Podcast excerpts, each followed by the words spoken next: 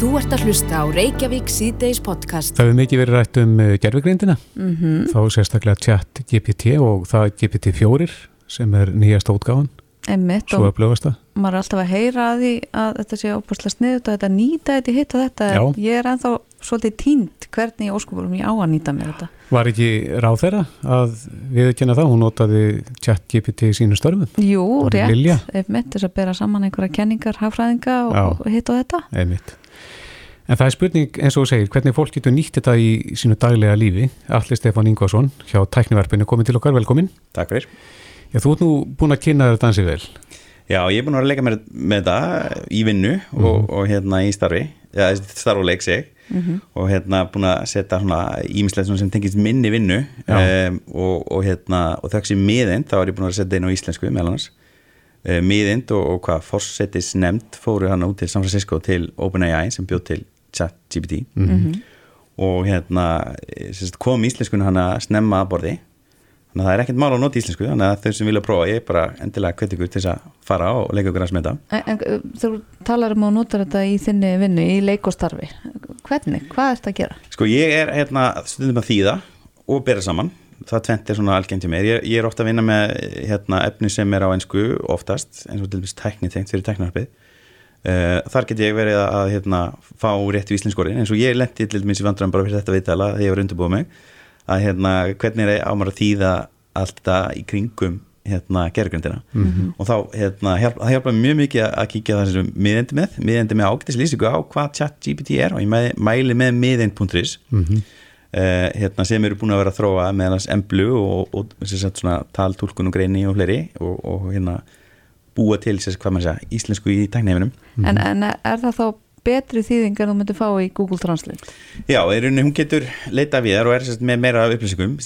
Google Translate er, er bara einföld þýðingavel en þetta er er gerugreint sem er þjálfið á alls konar upplýsingum uh, sem hún getur nýtt sér. En það sem ég er til dæmis rækka auðvitað í að hún er ofta að búa til eitthvað sem, hún, sem er ekki til Gervigreindin? Eh, Já, Já, hún er það greind og hún býr til í orð. já, hún er með ef hún veit ekki svarið uh, þá giskar hún á svarið. Já. það er ákveðavert En lætur hún þau vita að hún sé að giska? Hún veit það Nei, nei, þess það mun mögulega koma í framtíðinni í einhvers konar viðmóti. Uh, en allan rakst, rakst ég ekki á þannig núna sko. Og hérna, og ég var, ég tók sérstaklega eftir þessu með að hérna sérnöfn á stöðum eða, eða byggingum eða, eða hlutum eða fólki sagt, þá hérna nefnfólks, þá hún á, á til með að aðeins að breyta þeim eins og Melanes var eh, Melane, Melanesia Já, og það er mitt málið að hérna e, þessi gögn þessi, ég, ger, þessi gerugreint er byggð á upplýsingum sem eru á internetinu og veist, eins og við öll vitum þá eru upplýsingar á internetinu stundum rángar eða veist, beigja sannleikan, fake news sagði einhver, hérna, þannig að það, maður þarf að fara að valga hva, hvað vélinn segir. Og í rauninni því meira sem er til um hlutin á internetinu og því betur sem er skrifið um það því betur eru svörin. Þannig að gerfugreindir náttúrulega mjög erfitt með eitthvað sem er nýjasta nýtt í upplýsingum. Hún er það er kannski ekki komið nóg mikið að greinum eins og dæmis um gerfugreind og, og, og fleira. Einmitt. það er kannski erfitt að svara ykkur um það. En, en svo er maður heyrt að fólk sé að nýta sér þetta til þess að skrifa tölvupósta? sko þú getur rauninni nýtt þetta sem sagt, það sem er merkilegt við chat GPT eða þetta er spjall. Og þú getur bara að fara hann inn og átt bara spjall eins og átt við einhverju mannesku á Facebook Messenger og hún, sagt, man, hún held þræði gerðugjöndin og sagt, e, þú getur bara haldið áfram að setja nýja og nýja spurningu og það sem er að gerast núna er að, að hérna, það er líka komin í ráðgjafa núna sem hjálpa þér að búa til spurningarnar til þess að þú fáir rauninni sem besta svarið. Og þú getur bara sett skilirði eða einhvers konar forsendur inn í spurninguna. Þú getur sagt hérna, segðu mér frá Star Wars nema gerðu það með í vestrastíl og þá fer hún að segja frá Star Wars í, stíl, í vestrastíl já, og það er ímyndslegt svona sem getur gert svona skemmtlegt mm hérna, að þú segir að þetta er samtal. já, því þetta er samtal Er þetta gott fyrir þá sem eru einmanna til dæmis? já, það ég mitt drakst á það, fólk er svona að byrja að nota þetta sem svona rákjöf svona hérna, Þa, það minnir mér nú bara á bíómyndir. Hvað hétt hún? Hérna? Her. Já. já, Minnir mig á það. hörur er mynd gerugrænt Mm -hmm. Uh, já, það er svona, svoleiðis listnið ég hafa verið til mjög lengi. Og hérna ég man eftir svona list sem var bara í Microsoft DOS þegar ég var að læra tölur fyrst. Ég var bara svona tíu ára gammal sko. Þannig að það er ýmislegt til. En já, hérna ChatGPT náttúrulega fer miklu víðar heldur en eitthvað fórið sem er búið til. Það er styrkleikurinn við gerðugjendina hún getur verið að taka saman uh, mörgögn ég nota oft sko uh, hérna nálgunna þetta er leitavel nema þetta er leitavel á næsta stígi hún er komin á það gott eða hátt stíg að hún getur verið að taka margar heimildir meta þær og gefa þær svar tilbaka Ok, segjum svo svo ef ég vildi bara einfalda þetta, ef ég þarf ekki að skrifa neðan tölvupúst, það mér langar að bara að nota þetta í eitthvað sniðut, gæti ég farið inn og, og spurt bara hæ, heyrðu, við erum hérna fimmanna fjölskylda, við fýlum þetta og þetta búið til vikumatseil fyrir mig. Já, hún getur gert það. Og ég sá eitt tól í Kanada sem hérna, vinnum minn bent mér á uh, það sem er búið að vera að fylgjast með að verðum á matfuru og þú setur inn hvað þú er með stóri fjölskyldu, hvað þú býrð í hvað fylki í Kanada og hún í rauninni veit hvaða verð er á leiðinu niður þetta er svona verðbólgu bartutól og hvaða leið er á verðinu upp. Þannig að hún kemur matseil fyrir þig til þess að berjast gegn verðbólgunni sem er mjög snið Já, velur þá ódýrari kostina. Já, Já, já, og þá farið bara bara auðsköldir og allt sem þú þarfst að kaupa í, í þær frá Mm. vilni mm Þetta geti leist mjög marga hausverka Já. mikinn hausverk. Sko, sem sagt GPT sem, sem er í rauninni vélinn sem er undir hútunni, þessi chat GPT er spjallmenni sem er ón á hérna, gerugendinni gerugendin er sérst komin inn í mörg mismöndi, marga mismöndi hluti eins og hérna Bing leitvælina hjá Microsoft uh, og hérna fleiri staði það sem hún nýtist, hún er líka komin nýr klippi, munið muni eftir klippi sem var í Microsoft Office. Hann lítil Bréfaklemma. brefaklemma sem talaði við þegar þú varst í hérna. Einmitt. Já, hérna það er komið ný útgáð því sem er reyndar ekki breyfaklemma en sem er sama koncept það sem hún hjálpar þér að, hérna, gera eitthvað í Office og tekur það mitt í næsta stig. Fólk sem er kannski kann ekki að nota grafíkina í Word eða PowerPoint getur þá allt í hennu fengið miklu flottari skjöl fyrir vikið. Mm og uh, svo hefur maður líka heyrt uh, einhverjað nútið kannski búið að láta sér dreyma um að semja lag til sendin Eurovision. Mm -hmm. maður getur gert það með hjálp tjátt GPT Já, ég er nú eftir ekki staðið, það, það er mögulega hægt en það sem ég finnst eiginlega verðmæntast í þessu og það er hugbúnaþrónin og þess að þú getur henni notað hérna, þetta til að búa til forrið mm. og prófa að kóða. Og, og prófa? þá og, Já, já, já, Og getur þá búið til smáfórit í já, já, Apple eða Android? Ekkert og þetta setur það bara upp og býtu, hver, hver er útkoma þá? Hvað gerur Þú farir henni kóðan sjálfan þannig að þú þarft að, þú þarft, komur að segja maður þarf að kunna eitthvað til þess að geta nýtt sér þetta og þarft að geta skili hvað sérst, hvað er að koma út úr, hvaða kóð er að koma út úr hvert hann þarf að fara og þarft að setja hann inn í einhverja, eitthvað fórður mál einhverja, Veistu til þess að einhver uh, sé búin að búa til app með þessum hætti? í sko, nei, ég veit ekki til þess mér finnst það mjög líklegt að hérna, margir fóröldarar séu að nýta sér þessa lausn í dag Mm og Já. þetta er unni held ég bara að verði maður segja, industry standard eh, í þessum heimi. Að nota sér einhverja gerugend til að hjálpa sér að skrifa hvað Já. og þetta fer inn í fóruðunar hérna, fóruðin Mm. En þetta er eitthvað annað í hug sem fólk getur notað þetta svona í daglegu lífi? Svona til þess að auðvelda sér líf og störf? Sko ég hérna rækst hérna á, á, á smá smá samantækt eh, hérna, og eitt annað sem sló mig ég er færtur í hérna mæ Þannig ég spurði hana bara hva, hvort hún geti ekki hjálpa mér að skipulegja hérna ammalið. Þannig að við fórum í smá spjall hérna og hún spurði mig, veist, viltu, viltu hérna halda partí eða viltu fara út að borða eða viltu fara til útlanda, mm. -hmm. komin okkur hugmyndir. Þannig að þeir sem eru, ég myndi segja þessi mjög gott tól til þess að koma að stað í einhver verkefnum. Þú Veist, ég er búin að vera hugmynda fram í mér að skipulegja ammalið mitt, þannig að ég fór hann inn og fekk hann hugmyndir. Mhm. Og þetta er svona, komur að segja, já, kemur þér að stað. Eru hugmyndir sem stað. þarf að nota ég, já, eða sem sagt, ég held ég, ég hérna, strax ákvað mig, ég ætla að halda stórt partí, Mhm. í staðan fyrir að halda lítið út að borða. Þetta er stóramæli, hann að þannig að tjátt GPT er búin að kosta þig mikið pening þetta er ekki dýrt. Já, eh, góður punktur samt með að koma sér á stað í einhverjum svona, einhverju hugsanaflæði um bara hvað sem er í rauninni þó Mhm. maður þurfi kannski ekki að fylgja leiðbendingunum sem maður fær Einmitt. Svo getur, veist, hún röggrætt við þannig að þú getur kannski vera að þróa einhvers konar umræðapunkt sem þið langar að vita betur. Uh, atvinnuvital, þú getur þjálfaði fyrir atvinnuvital, þú getur mata mm leitavélina, eða mata hérna gergætina því einhverju um fyrirtæki og um stöðun sem þetta segja og, og hún spyrir spurninga eins og hún sé, þú sé bara í vitalinu. já, þannig að hún tekur atvinnu viðtalið og undirbýrði Já, Já, já, einmitt. Mjög skemmtilegt. En svo þarf að passa sig, flestar þessar lausnir eru í beta-prófunum núna eh, hérna, og ChatGPT er í beta Mhm. og allt sem hún setur hann inn er í rauninni deilt til þess að betrum bæta gerðugjöndina þannig að ekki vera að setja neinar viðkvæmur upplýsingar hann inn eða persónugrænandi upplýsingar til dæmis. Já, Samsung lendi því að það var að vera að deila hann að fundargenum fólk fólk er að taka upp fundi á hljóðformi og setja inn í svona gerðgrændir og fá út hérna fundargenuna ah, já uppskrifað. uppskrifa það, Já. það er mjög sniðut ég sé fyrir mig til dæmis að það muni spara mjög mikið í, í, á ýmsum stegum í, fyrirtækjum og stofnunum að geta gert slíkt. Er þetta hægt inn í chat GPT í dag? já, en, þá sé ég líka fyrir mér að uh, þegar maður er á erlendum streymisveitum þá getur maður fengið texta. Mm þannig að þá er það í rauninni hægt að nýta sömu tækni til þess að að texta bara sjálfkrafa. Já það eru nú einhverjar, Er það hægt, hérna, kannski? samsæðskenningur um að það sé byrjað. Nú, já, já, ok.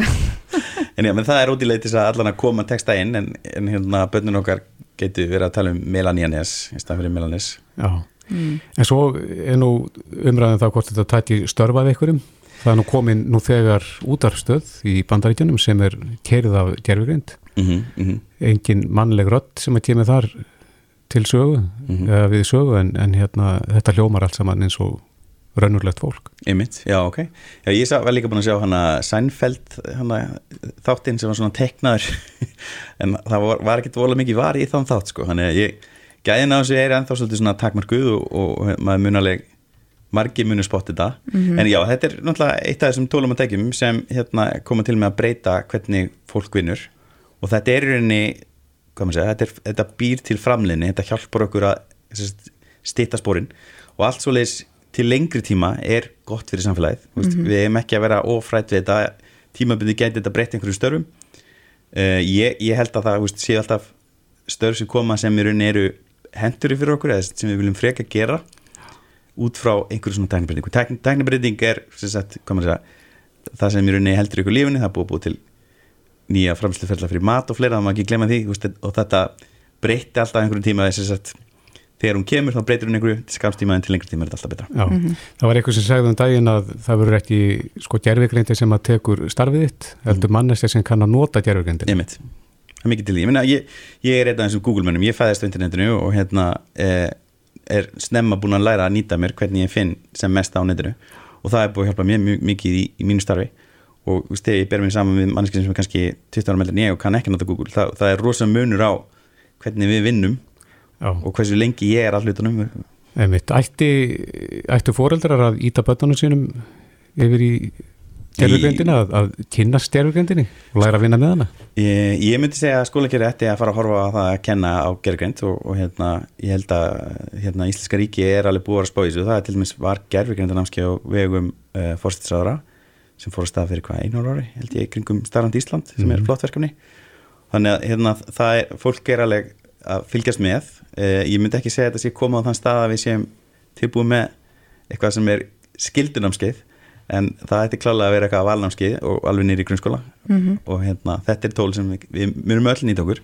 Og það er bara spurning hvað verður hvað verður hérna ofan á hvaða stað allega hvernig, þetta er ennþá svo mikið að þróast að þetta verður ekki ennþá komið sigur í þessari kefni Einmitt, þannig að eins og er fyrir almenning þá er þetta svona skemmtilegt tól hægt að leika sér hingu og þanga með það. Já, og svo eru önnu tól sem eru hérna, kannski glemst að tala um sem í rauninni voru aðeins hvað maður segja, undan, það eru þessi tekni forrið, hérna, eins og Midjourney og Dolly sem geta tekna alls konar myndir sem er rosalega þægilegt í, í markasetningu því að það er rosalega margt sem er höfunda rétt að varið eh, eða kostur á mikið að framlega þannig getur þú framleitt, framleitt ódýra myndir á þess að þú sért að stíð og terp Já, verðum að setja punktin hér, Alli Stefán Ingvarsson hjá Tæknivarpinu, kæra þætti fyrir þessa yðrið með okkur. Þú ert að hlusta á Reykjavík C-Days podcast. Áfram höldum við Reykjavík síðdeis, hérna stærstu fréttir dagsins, koma frá Breitlandi. Heldur betur, tengist fókbóltamanninum Gilvað Þór Sigursinni sem er nú frjáls ferða sinna, það er búið að fella mál niður gegn honum, hann hefur verið undir rannsókn í tæp tvö ár í farban í rúma 600 daga Já, sumir kalla þetta píslargöngu, henni sé nú lokið. mm. En þeir eru komni til að ræða þetta eins með okkur, Viljámur H. Viljámsson, hæstaréttalögmaður og Arnar Sveinn Geirsson, formaður leikmanna samtaka Íslands, velkomnir. Takk. Takk fyrir það. Ef við byrjum á þér, uh, Viljámur, svona lögfræðilega séð, eh, er þetta málalók? Já, augljóslega. Mm Hann hefur auðvitað þurft að þvola þetta í alla hennan tíma og ég held að enginn geti sett sig því spór nema hann hafi upplöðað það sjálfur það sem að, að Gilvi hefur þurft að ganga í gegnum en nú liggur niðurstaðan fyrir hann er saklaus af þessum ásökunum og lífið heldur uh, getur haldið áfram og ég bara vona að, að hann nái fyrir takti. En getur hann eitthvað að leita réttar síns?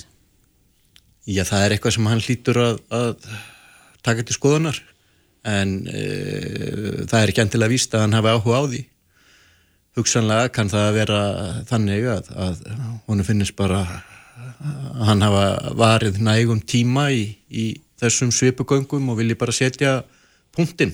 Mm -hmm. Það er auðvitað eitthvað sem hann þarf að taka ákvörnum í, í samræðu við e, sína lögmenn í Englandi.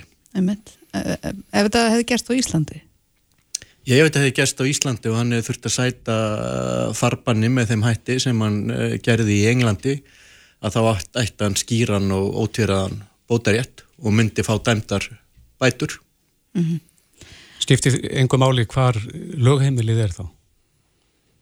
Nei, það er í raun og veru þar sem í þessum tilvökum þar sem að atvikið á sér stað sko mm -hmm. og uh, bótaskildan og það réttarkerfi e, sem að, að hérna uh, á við í því landi þar sem að, að uh, viðkomandi sætir frelsiskerðingu og skerðingu á mannréttindum eins og í þessu tilvöki. Mm -hmm.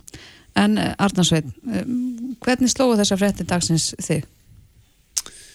Já, ég held að hérna, maður kannski bara rifja þessu upp, upp svona þegar, þegar maður fekk fréttina að þetta gerðist einhvern veginn og, og maður einhvern veginn, það, það voru þannig fréttir að maður myndi eða bara hvað maður var þegar maður heyrði það og, og svo einhvern veginn kemur þetta og, og það er svona kannski það sem slóma var einhvern veginn að maður, maður bjóst einhvern veginn við einhverju öðru maður bjóst einhvern veginn ekki við að þetta veri niðurstaðan eftir þennan langa tíma mm -hmm. og svona það svona, það, það var kannski svona helstu viðbröðin sem kom einhvern veginn að eftir alla þennan tíma að niðurstans í súa að það verði ekkert gert meira og, og, og hérna búið að halda honum þarna áhrifin sem þetta er haft á, á fólki í kringum hann fjölskyldu og, og bara auðvitað hann sjálfan og veist að maður svona einhvern veginn maður vildi óska þess að það væri allavega hægt að gera, gera hlutin einhvern veginn öruvísi þannig að það þyrtti ekki að, að, að, hérna, að hafa þessi áhrif á, á, á alla þessa einstaklingar sem, sem eru, eru inn, í, inn í þessu máli mm -hmm. Hvaða áhrif hefur þetta á hans feril?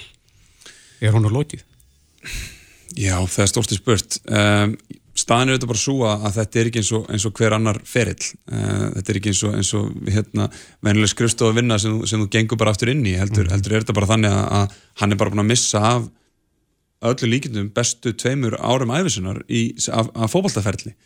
Uh, hann var bara hátindi ferilsins að fara að hérna, komast inn á þau ár þar sem hann getur verið um hvað mesta reynslu og í hvað besta forminu og, og hann fær það ekki tilbaka eh, eftir að hafa ekki spilað núna í alla þennan tíma að, að það er bara hægara sagt en gert að komast tilbaka eftir svoleiðis. Það tekur lengri tíma, sérstaklega alltaf að spila þannig level eins og hann var að spila og, og eða einhverstaðar í Evrópu, við segjum það bara európsku fókbalta, að, þá, þá tekur það bara tíma að vinna aftur upp þól og þreg eh, til þess að geta verið bara sankjöfnis við, við þá leikmenn sem eru, eru í þessum liðum í dag.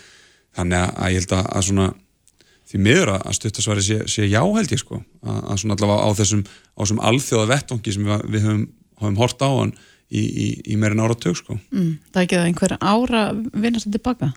Já, ég, þú veist, auðvitað það er mismunandi hjá hverjum og einu, það fyrir auðvitað líka eftir bara hvernig hann hefur gengið í þessari e, á, á þessu tímabili, hvernig, hvernig það hefur gengið hjá hann að halda sér í standi en, en þú, þú býrðið ekki til aðstöðnar sem það eru að, að æfa með, með liði úrstildi á, á Englandi með því að æfa ein, einhver staðar í einhverju gymmi eða heimaðar eða hvar, hvar sem gerir það. Þú bara býrðið ekki til sömu aðstöðar eh, segjum sem svo hann hefði haldið sér vel í standi allan tíma, þá myndi ég samt segja að 6-12 mánuði var algjört lámark mm -hmm. fyrir hann að komast bara þann stað að geta orðið nálætti að vera eitthvað sankynsöfur þá erum við að tala um að, að það er þá mitt næsta ár.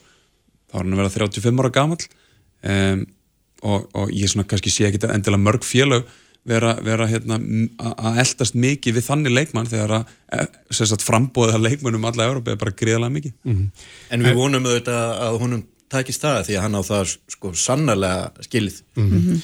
En viljaðum við svona uh, málsmeðferða tíminn svona samaborið í Íslandi er, er mörgum blöskraði þessi langi tími sem að fóri í ákveðslega málsins? Já, en uh, því meður þá höfum við Íslendingar bara ekkert úr háum sögulega detta hvað þetta varðar. Nei. Þetta er ekkert óþektur málsmeðferðartími uh, á Íslandi og uh, ég auðvitað þekki dæmið þess og við þekkjum dæmið þess úr íslenskri réttasögu að, að mann hafa sætt farban í lengri tíma en þetta á Íslandi og svo hafa mann verið með réttastöðu sakbortnings já, jáfnvel í áratug svo sem í, í raunmálunum uh, svo kalluðu sko þannig að því miður að, hérna, að uh, þá var þetta bara með þessum hætti og þetta ég þekki ekki aðstæður nákvæmlega í, í þessu tilviki. En uh, við Íslendingar við getum ekkert endilega bara sagt að, að englendingar séum allt niður í, í, í þessum uh, efnum sko því að þetta þekkist alveg á Íslandi líka. En þetta eru þetta hörmulegt.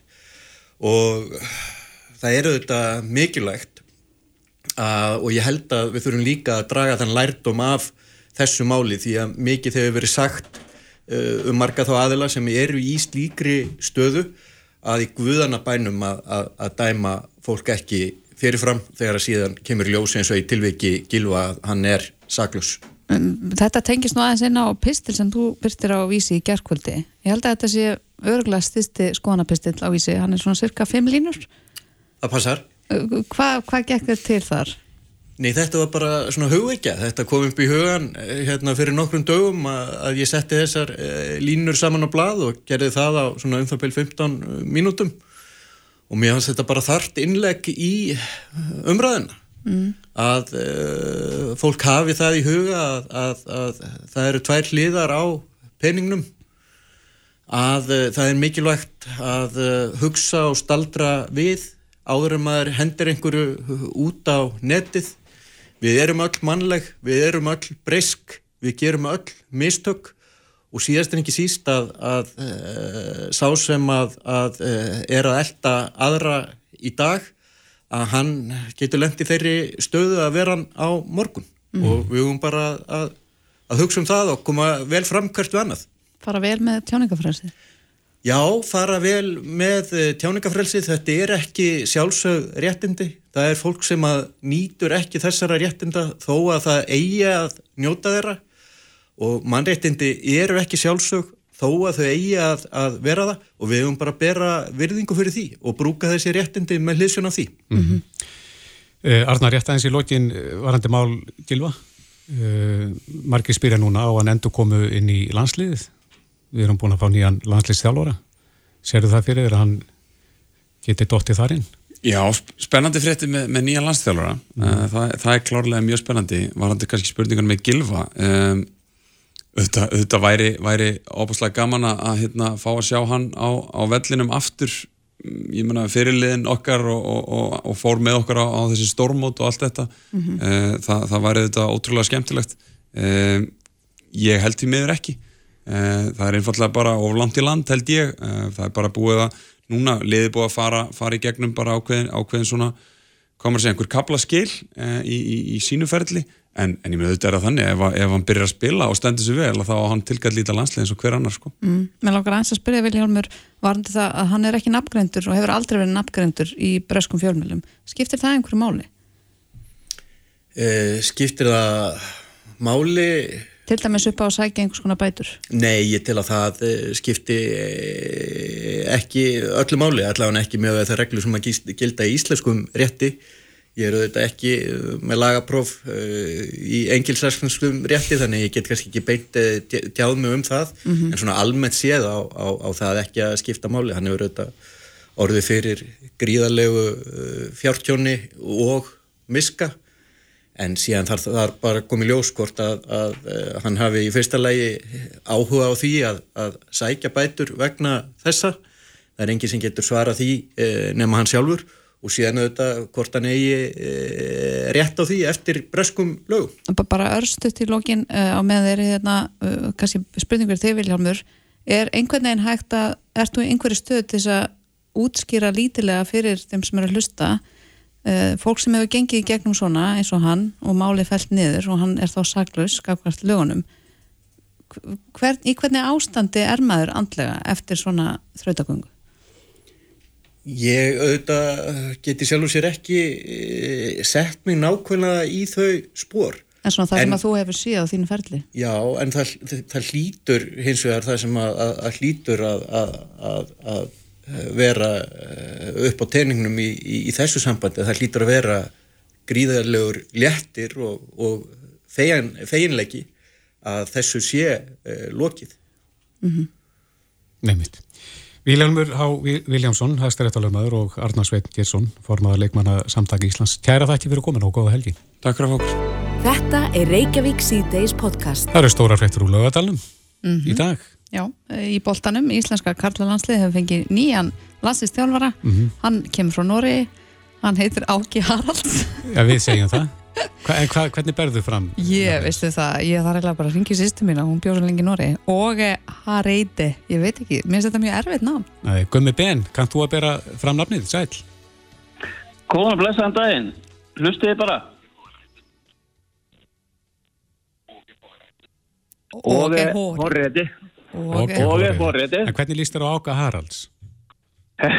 Líst ákveðlega það nafn, það er eh, Já, það er fjallað, ekki, fyrir okkur. Ég held, heldur það geti ekki náð útbreyðslu? Ef við segjum það nú oft? Jú, hann, hann ber enda líka millilafnið Friðjón, ef við förum út í þá sálma. Já. Hann heitir Óge Friðjóf, er þetta? Já. Þannig að, en ég er enda svo heppin að norska á fyrsta tungumálu mitt, það sem að ég flutti þánga áður en ég var eins árs Já, já, þannig að þú Þannig að ég get alltaf, ég get alltaf hjálpað ykkur. Já, takk fyrir það. Til norskunum Ma, Má ég þá spyrja þig, ert þú að fara að taka viðtölu við þennan manna á norsku? Ég ætla ekki að segja ég búin að viðhalda norskunni nægilega vel frá því að ég flutti frá Nóri þryggjára gammal en það er aldrei að vita hann um hún sé hana hún sé hana einhver stöður og, og hérna ef að gefst ekki fyrir til þá er aldrei að vita hann að ég hendi í það, Já. eitt norsk En uh, Gummi, hvernig, hvaða kall er þetta? Hvað, hvað veist um hann? Herðu, og er verður 70 núna í, í haust uh, og er búin að eiga býstna góðan feril, bæði sem leikmaður fyrst og, síðan sem, sem þjálfari, hann spilaði við mjög góðan orðstýr frá Moldi á sín tíma og áður en hann fótt til England, spilaði þar með bæði Manchester City og, og Norwich á Englandi áður en hann kom aftur heim til Norregs Mm. og kláraði ferilin með Moldi en síðan er hann búin að vera að þjálfa mjög víða og, og í Skandinavíu. Og hérna bæði í heimalandinu Noregi og sem á Danmörku og, og Svíþjóð. Og það er ekkert að segja annað en að það hefur gengið bísna vel því að hann hefur skilað titlum í öllum þessum löndum s- sem félagsliða þjálfari. En einni uh, tók að reynda við norska, norska landsliðinu 2003 og en, en það var svona, það voru aðeins erfiði tímar hjá, hjá norska landsliðinu því að þeir náðu ekki á þeim árum, fjórum, fimm árum sem hann var í stjórnvunni þar að- að koma sér á stormót Mm. eins og var planið hjá þeim þannig að hann lét, lét að störfum þar 2008 En myndur þú segja að þetta væri fengur fyrir íslenska landslið? Já, já, þú veist, það er það er óbúslega erfitt náttúrulega að svara því svona fyrirfram eitthvað að þetta sé fengur en, en ég held að, að við eigum að vera nokkuð ána með, með þessa niðurstöðu því að þetta er reynslu mikið þjálfari sem að var búið að gefa út að væri verið að leita af og þetta er þjálfari sem hefur þjálfa landslið því að þjálfa landslið er ég leiði mér að fullera allt önnur íþrótt heldur en að þjálfa félagslið. Og hann hefur gert hvort tveggja. Það gekk mjög vel hjá hann þegar hann tók við danska landsliðinu á sín tíma tók við danska landsliðinu eftir að dönum mistókst að komast á EM 2016 og það, það var heldur betur áfall fyrir Dani að sjá Íslandinga á EM en ekki Dani. Og þá, þá er hann ráðinn inn og, og fór með Dani á HM 2018 í Rúslandi þar sem þeir fjallur leik í 16 úrslitum gegn Króatum sem voru einmitt með okkur riðli. Ja. töpuðu þar einmitt bara í vítaketni og Króatar fóru allar liði úrslitaleikin og síðan uh, tryggðan líka danska liðinu sæti á EM EM 2020 þar sem hann reyndar að lokum fekk ekki að stjórna dönum að því að það sem að eh, því var frestað vegna korunu faraldusins og samningurinn hans rann út og þeir réðu nýjan þjálfara til þess að, stýra dönum á EM og það var kannski svona svolítið sorglegt fyrir hann því að hann var búin að byggja frábært danslið sem að reynda að náðu síðan frábærum árangri líka á EM en uh, hann var ekki búin að tapa í 34 leikjum í röð þegar að að samningurinn hans rann út og, og eh, Dani réðu nýjan þjálfara Já. En það hlýtur að skipta miklu máli að þjálfari njóti virðingar innan klefans. Jú, ég held að það sé alveg ljóst að, og við mun njóta virðingar og, og hérna engin hætt á öðru því að maðurinn er búin að gera þetta eins og við erum búin að telja upp allt saman og, og hérna ég, ég vona það innilega að þetta sé happafengur fyrir, fyrir íslensku þjóðuna að við séum að fá þennan mann inn og, og hérna en síðan er þetta í höndum leikmanna Já, fyrst og fremst að að standa sig síðan. Einmitt, en hvernig karakter er hann? Maður nú lesi einhverjum fjölmjölum í dag að hann sé svona frekar skonaglæður Já, ha- hann er nefnilega svona með það sem maður hefur séð í gengum tíðina þá er hann frekar ólíkur Lars Lagerbäck þráttur að séu svona fólk sé að bera þetta saman að hann hafi Lars hafi komið hérna svona á gammalsaldri og, og nú er Óge að koma á gammalsaldri þá hefur Óge verið hafa svona skoðanir á fleiri hlutum heldur en Lars þó að Lars hafi örgulega skoðanir á því að hann þarf, verðist ekki þurfa að fara opinberlega með það. Og hann hefur svona átt til að það hefur fók í hann. Og uh, hann hefur alveg skoðunni en ég held að hann sé bara fyrst og fremst mannlegur. Og það er, það er ekki síður mikilvægt. En það vakti líka miklu aðtekli á sínu tíma þegar Lass var með liði hvað hann var poll rólegur á hliðalínunni. Er, er, eh, og er hann öðruvísi þjálfari? Er hann blóðheitari? ég, ég held að hann sé örlítið blóðheitari en uh, svona með það sem að verður síður gegn tíðina þá, þá er hann ekkert að missa sig á hlýðalínni uh, ég held að hann sé eins og kannski margir aðri þjálfara þá fer vinnan fram á æfingavellinum og uh, sé kannski minna að reyna að fjastýra mönnum þegar það kemur í leikina sjálfa og, og hérna ég vona bara einilega að þetta verði gæður spór fyrir, fyrir báða aðelega Við, fáið náttúrulega ekki mikið kannski undirbúning því að það er hann, hann mun hitta leikmennina myndi ég giska á í svona fimm daga. Áður en að hann þarf að stilla upp sínu fyrsta liði í alvöru leik sem er á þjóðatöðadaginn okkar 17. júni já, vitum við eitthvað um svona taktík hjá þessum nýja þjálfara, honum áka okkar? Sko hann er náttúrulega frekar skandinavskur í, í, í, í því- því öllu saman en uh, hann uh, getur nefnilega alveg breytt til því að uh, eins og bara að vera með danska landslið þar uh, bjóð hann til sókjart lið sem, a, sem að varðist eins og er vel á sama skapi og töflu mjög fáum leikjum og hann tapar ekki mörgum leikjum. Og það getur að sagt það sama með, með Lass að, að Lass var með mikið skipulag innan liðsins þar sem að við töpum ekki mörgum leikjum. Og ég held að við séum að fá þjálfara sem að einmitt bara hendi vonandi íslenska landsliðinu mjög vel.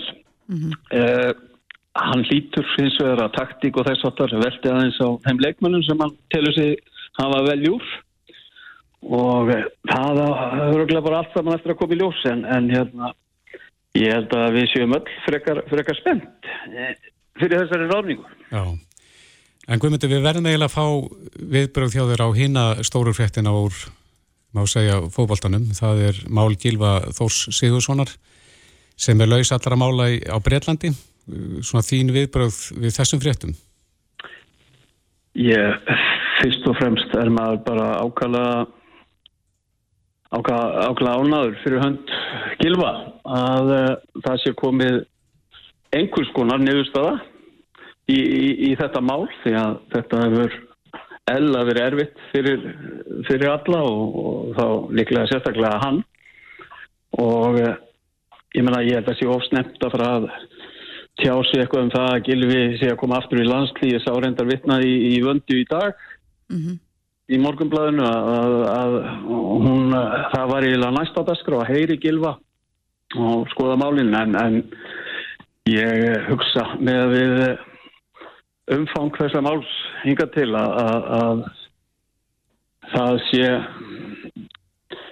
já sérstaklega Gilvi og, og hans fólk fyrir við tíma til þess að bara aðeins að átta sig á, á stöðunni og, og hérna en það eru eins og ég segi það var það frábæra flettir fyrir hann að það sé búið að fella, uh, fella máli niður. Já, takja hann væntar líka einhver tíma að komast í leikform Já, fyrir utan það þá hefur hann ekki spilað að sjálfsögðu fótbolta í, í mjög langan tíma og, og hérna það tekur allt saman tíma og ef að við erum við að Gilvi muni spila aftur fyrir íslenska landsliði þá eru það sjálfsögðu frábæra frettir fyrir, fyrir Ísland því að við hefum aldrei átt betri landsliðsmann í landsliðstreyfni og þess vegna bara eins og ég segi, það, ég held að sjó að of snemt að, að vera með einhverju yfirlýsingar um það en, en, en vonandi vonandi gengur þetta bara allt vel, segi ég. Já, Guðmundur Benediktsson, Íþróttafréttamaður, kæra þakki fyrir þetta og góða helgi. Takk sem leis, góða helgi. Þetta er Reykjavík C-Days podcast. Jæja, áframhaldið við Reykjavík C-Days þegar klukkan er hálf sex. Emitt og Drífa Snædal, talskona Stígamóta, skrifaði áhugaverðan pistilin á vísi í vikunni Me Too, hvað nú? Og það er svona verið að velta upp hvort að við þurfum ekki að um, útbúa okkur sem samfélag, einhvers konar leikreglur þegar kemur að þessum málum. Svo þetta sé eins og þú orðar á hann ekki vilda vestrið Já, domstól gödunar hefur svolítið verið eh, áberandi. Mhm. en það er spurning hvort það þurfa að finna einhverja leikreglur fyrir, og farveg fyrir þessi mál. Drífa Snættæli komið til okkar, velkomin. Já, hvað, hvað ert að fara með þessum písli? Ég var svona aðeins að reyna að ramma inn bara stöðumála í dag. Ég er nú svona eldri en tvævitur í þessum málum, ég stýði nú hvernig atkvæmni hérna fyrir 20 ára síðan. Þannig að ég svona hefur fylgst með á liðalínu hérna og verið aktív í, í hérna jafnrættispartunni. Og ég mann fyrir 20 ára síðan, sko, það var allt vittlust þegar það var bara minnst á það að það væri einhverju gerandur yfir höfuð. Þetta, sko, það var tala alltaf um ofbeldi, hvort sem var heimilisofbeldi eða kynfyrsofbeldi sem einhverju náttúruhamfari sem engi bara ábyrð á. Um, og síðan erum við nú komin þangað að, að bæði hefur svona þólendu, brotaþólum verið ljóðrött í fjölmjölum og, og tekið eigin rött á samfélagsmiðlum. Uh, en það sem uh, margir kalla domstólgöttunar vil ég segja sko er einhvern veginn einhver endapunktur á því að reyna að fá eitthvað réttliti þegar búið að brjóta þér. Uh, réttakerfi gerða ekki, það er ekki burðugt við sjáum þá allri tölfræði hjá stígamótum að, að þau sem koma til okkar sem er meiri 90% konur og, og, og svona, svona 5-10% karla uh, að hérna þú veist mörg hafa ekki trúar í eftirkerfinu fara aldrei þangað uh, flest málur eru fælt niður sem fara þó í kæruferli örf á mál fara fyrir domstóla og þá er endur hægilegt hvernig það er dæmt. Þannig að þú veist réttakerfi er bara skila nánast auðu. Hvað gerir fólk þá til að fá réttlæti? Einmitt, og það hefur náttúrulega mikið verið rætt svo sem um, í tengslu við MeToo að við þyrstum hugsanlega að endur hugsa réttarkerfið í þessum málflokki jafnvel útbúa einhverja millileið eða e- einhverja, einhvert farveg sko þannig að það þurfi ekki öll mál að fara í, í gegnum réttarkerfið. Já og það er náttúrulega, þetta er, þetta er bara alþjóðlega umræða, hvað gerir við? Uh, Það er reyndar orðið svona aðeins bætur á réttakerfinu þannig að fólk sem kærir óbættisbrot getur núna verið uh, inni í réttasalnum, fær upplýsingar um sitt mál, það var ekki áður. Þú bara kærir og svo bara veist þú ekki meir nánast þegar en dómi fellur. Þannig að það er svona ákveðin breyting þó við höfum kannski vilja sjá gengið þess lengra í því.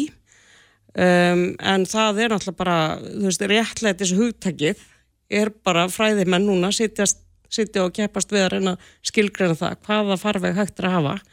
Uh, af því að uh, þólendur kynfyrsbrota búa ekki við réttlæti í dag. Við getum staðfestað. Uh, og síðan er náttúrulega annað að við erum búin að sem samfélag viðkenna að það eru, þessi ofbildisbrot eru, það er staðfest á þessum 30 árs stígamót hafa verið starfandi hafa yfir 10.000 brotaþólar komið þangað. Og þá erum við ekki að tala um hvernig atkværi og bjarkalíð og, og öll önnur úræði heldur. Heldur bara stígamót.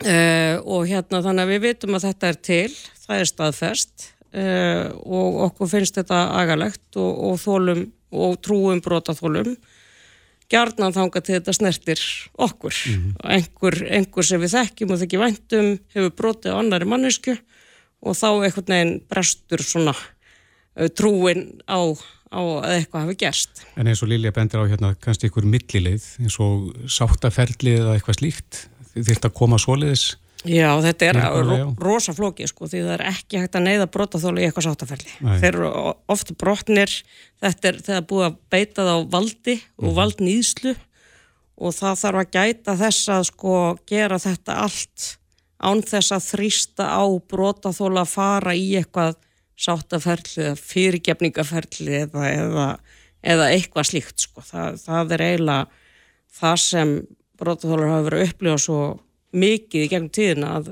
svo fara það til öruglu og upplifa bara einhvern veginn annað tráma mm. þar sem einhvern veginn ekki er komin og vel til móts við brotaþóla og, og svo hérna sjokki þegar málið er fælt niður veist, var ég að gera úlvalda á mýflugu, er, er minn réttur til þess að hafa mína upplifun ekki til staðar í þessu samfélagi, þannig að þetta er sko ég er ekki með lausnina. Eh, það sem ég veit að þarf að gera og það sem við erum að gera mjög mikið í samstarfi félagsmiðstöðar og kennara og svona, það er ákveðin vakning og stígamótt hafa gert það afskaplega vel síðustu fimm ár, það er að ræða við unga fólkið. Unga fólkið, foreldrana samfélagi, allt sérstaklega fólk sem er að vinna með ungu fólki að því að við erum uh, við getum staðfist það að þetta er ekkert, þetta er ekkert að skána ástandi sko.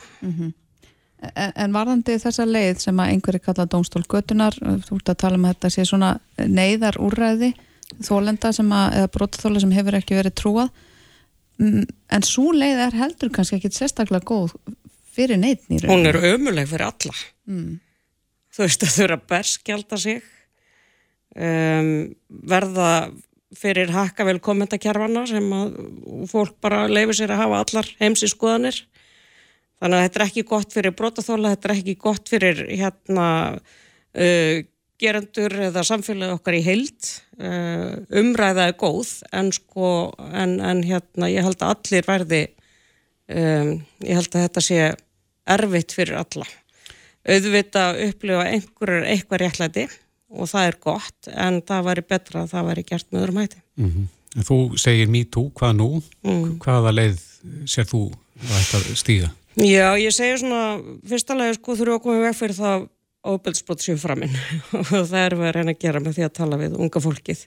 Sjúk ást, sjúkt spjall. Við erum með spjall tráðu opið fyrir ungt fólk. Mándu, þrautum og mögtum uh, og, og erum bara í svona, förum í herrferð einu svona ári til þess að reyna að ná til unga fólksins og bara ræða samþykki og mörg og, og svona, reyna að koma veg fyrir að hluti þetta gerist sem er erfitt í þessum klámvætta heimi. Um, og síðan þurfum við einhvern veginn að, að fara að ræða það hvað hérna, hvernig við getum mætt brotaþólum uh, trúa þeim, búið verðingu fyrir þeim en samt líka viðkjent það að uh, þeir sem okkur þykir væntum og, og viljum vera áfram í samskiptu við eru gerendur líka. Og þeir geta náttúrulega verið allavega. Það er ekki ein púlja af, af hérna gerendum. Þeir geta náttúrulega verið síðblindi satistar en svo geta þetta líka verið hérna ungir drengi sem eru búin að horfa mikið á klám og fatta engin mörg og halda eru með mjög rángar hugmyndur um hvað sé uh, æskilegt í kynlífi. En þetta, sko, maður held nú kannski að við þyrstum ekki allar þessar MeToo-bylgjur. Nei, maður hefði haldið að vera komin aðeins lengra það er ég En, en sér þá ekki fyrir þegar við fáum þær ansi margar í viðbót, það er nú ekkit mikið svo sem, breytist. Ég veit að það eru einhverjar breytingar í réttakerfinu, en... Já, já, við erum í þessari stöðu og þetta mun halda áfram þanga til við finnum einhvern annan farveg fyrir réttlæti, það er þannig En, en ég bara átta mig ekki alveg á því hvernig við eigum að geta tekið þetta samtal. Nei, við þurfum að, að hérna, við þurfum að eiga þetta samtal mjög, á mjög breyðum samfélagslegu grunni uh, og við þurfum að eiga við fræða samfélagi, við þurfum að fara að kafa onni það hvernig brotaþóla geta upplifa réttlæti innan eða utan réttakerfis. Uh, og eins og ég segi, ég er ekki með svörin en þetta eru mjög, mjög stóra spurningar sem við sem samfélag þurfum að, þurfum að hérna, svara því að staðan eins og hún er í dag er ekkert sérlega eskileg. Nei. Drífa Snædal, talskonar stígamóta, það má lesa pistilið þinn inni á vísi.is. Það er undir skoðun. Kæra þakki fyrir komin á góða helgi. Takk sem leiðis. Reykjavík síðdeis á Bilginni podcast. Við höfum svo gaman að tala um veðrið Mm og sérstaklega þegar það er gott.